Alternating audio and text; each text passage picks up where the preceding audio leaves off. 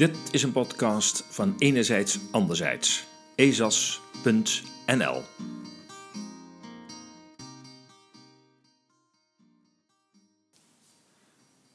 Aan de Berlijnse Humboldt Universiteit is onlangs een onderzoek uitgevoerd om antwoord te geven op de vraag hoe kan de vaccinatiebereidheid worden verhoogd.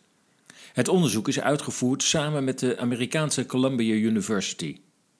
Drie instrumenten werden onderzocht: het toekennen en onthouden van vrijheden, financiële vergoeding en vaccinatie bij lokale dokters.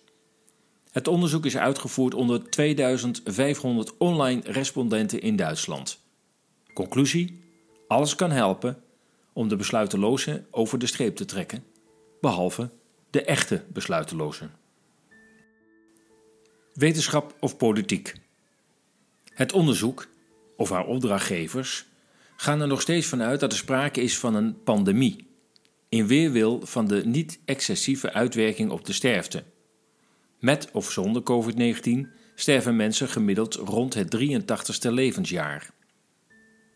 Op de aanname van een pandemie rust het beleid dat een groot deel van de bevolking moet zijn gevaccineerd voordat de verspreiding van het virus kan worden gestopt.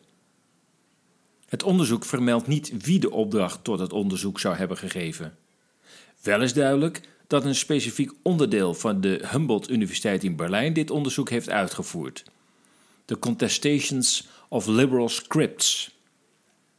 Zij werpen zich op als verdedigers van het liberale democratische model en schrijven daarover, citaat, autoritaire heersers zoals de Russische president Vladimir Poetin, de Hongaarse leider Viktor Orbán, de secretaris-generaal van de Chinese Communistische Partij Xi Jinping en niet op staatsniveau opererende gewapende groeperingen zoals de Islamitische Staat werpen zich op agressieve wijze op als tegenstanders van dit model van orde. Tegelijkertijd winnen rechtspopulistische bewegingen, zoals de AFD in Duitsland, aan kracht in liberale samenlevingen, waar zij de grondslagen van de liberale orde aanvallen. Transnationale netwerken van autoritaire heersers en populisten verbinden deze actoren. Einde citaat.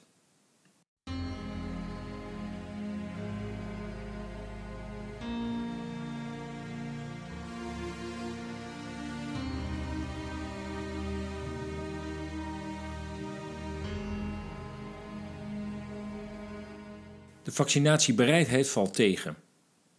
Het is de autoriteiten en ongetwijfeld de farmaceutische industrie al jaren een doorn in het oog dat de bereidheid om zich te laten vaccineren geleidelijk afneemt. Diverse mondiale congressen hebben aan de vooravond van deze pandemie over dit onderwerp plaatsgevonden. Het kan een verklaring zijn waarom dit virus zo in de markt gezet wordt, in de hoop dat vaccinatiebereidheid weer een stijgende tendens zal laten zien. Uit een onderzoek gepubliceerd in oktober 2020 in Nature Magazine valt op te maken dat bij een onderzoek onder 13.426 mensen in 19 landen, citaat, 71,5% van de deelnemers zei dat ze zeer of enigszins waarschijnlijk een COVID-19-vaccin zouden nemen en 48,1% meldde dat ze deze aanbeveling van hun werkgever om dit te doen zouden aanvaarden. De verschillen in aanvaardingspercentages varieerden van bijna 90% in China tot minder dan 55% in Rusland. Mensen die meer vertrouwen hebben in informatie van de overheid zijn eerder geneigd de vaccin te aanvaarden en het advies van hun werkgever om dat te doen op te volgen. Aldus dit onderzoek. Einde citaat.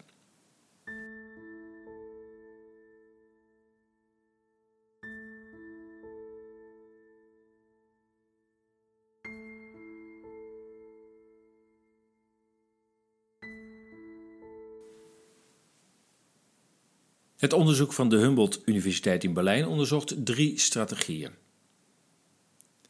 De term vaccinatiebereidheid doet wat vreemd aan in dit onderzoek. Immers kun je nog van bereidheid spreken als mensen mediaal zo eenzijdig worden geïnformeerd en onder dreiging van het onthouden van onvervreembare grondwettelijke vrijheidsrechten tot het nemen van een vaccin worden gedwongen? Er zijn vele manieren om de vaccinatiebereidheid op te voeren. In dit onderzoek worden er drie onderzocht: het toekennen van vrijheden, financiële beloningen en vaccinaties door de eigen huisarts. Toekenning van vrijheden. We moeten ons even over de morele kant heen zetten dat hier wordt gesproken van het toekennen van vrijheden, als bedoeld wordt dat de overheid eerst grondrechten hebben afgepakt, die dan onder voorwaarde van het accepteren van de inenting weer gedeeltelijk worden teruggegeven. Deze eerste strategie, het toekennen van afgepakte vrijheden, betekent dat vrijheden alleen worden teruggegeven aan mensen die gevaccineerd zijn. Citaat terwijl degenen zonder vaccinatie worden gestraft. Einde citaat. Daarbij verwijzen de onderzoekers naar Israël, dat het zogenaamde groene paspoort heeft ingevoerd, dat toegang tot sociale, culturele of sportevenementen verleent aan personen die gevaccineerd zijn, terwijl diegenen zonder vaccinatie worden gestraft. Inderdaad wordt in het onderzoeksrapport het woord gestraft gebruikt.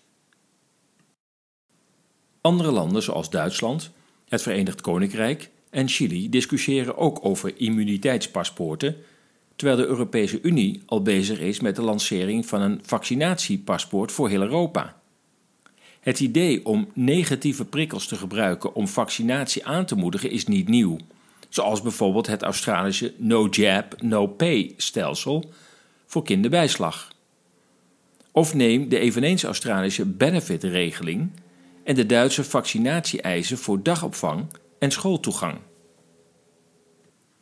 De tweede strategie, financiële beloning, houdt in het geven van geldelijke stimulansen aan burgers om zich te laten vaccineren. Een groot aantal onderzoeken op dit gebied van gedrags- en gezondheidseconomie heeft, volgens de onderzoekers, aangetoond dat geldelijke stimulansen een doeltreffend instrument kunnen zijn om menselijk gedrag te sturen.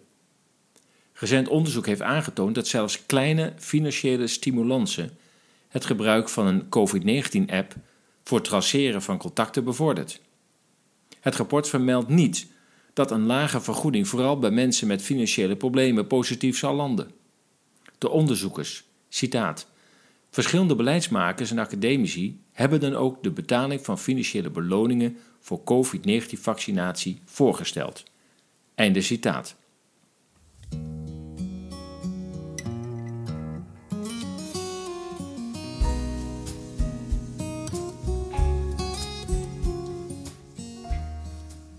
De derde strategie, vaccinatie bij plaatselijke artsen, berust op twee ideeën. Namelijk de verlaging van transactiekosten, dat is de moeite om iets te krijgen, en het vergroten van het vertrouwen. Veel onderzoek heeft aangetoond dat transactiekosten een belangrijke reden zijn waarom burgers geen gebruik maken van diensten of niet stemmen bij verkiezingen. Terwijl onderzoek naar aarzeling bij vaccinatie heeft aangetoond dat vertrouwen een belangrijke voorspeller is voor vaccinatie.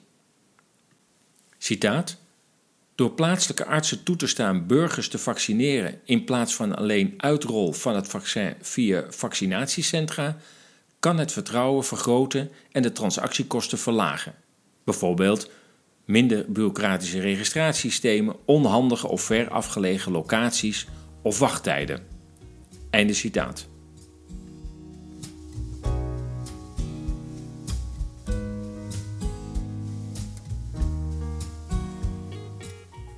De werking van dwang, verleiding en facilitering.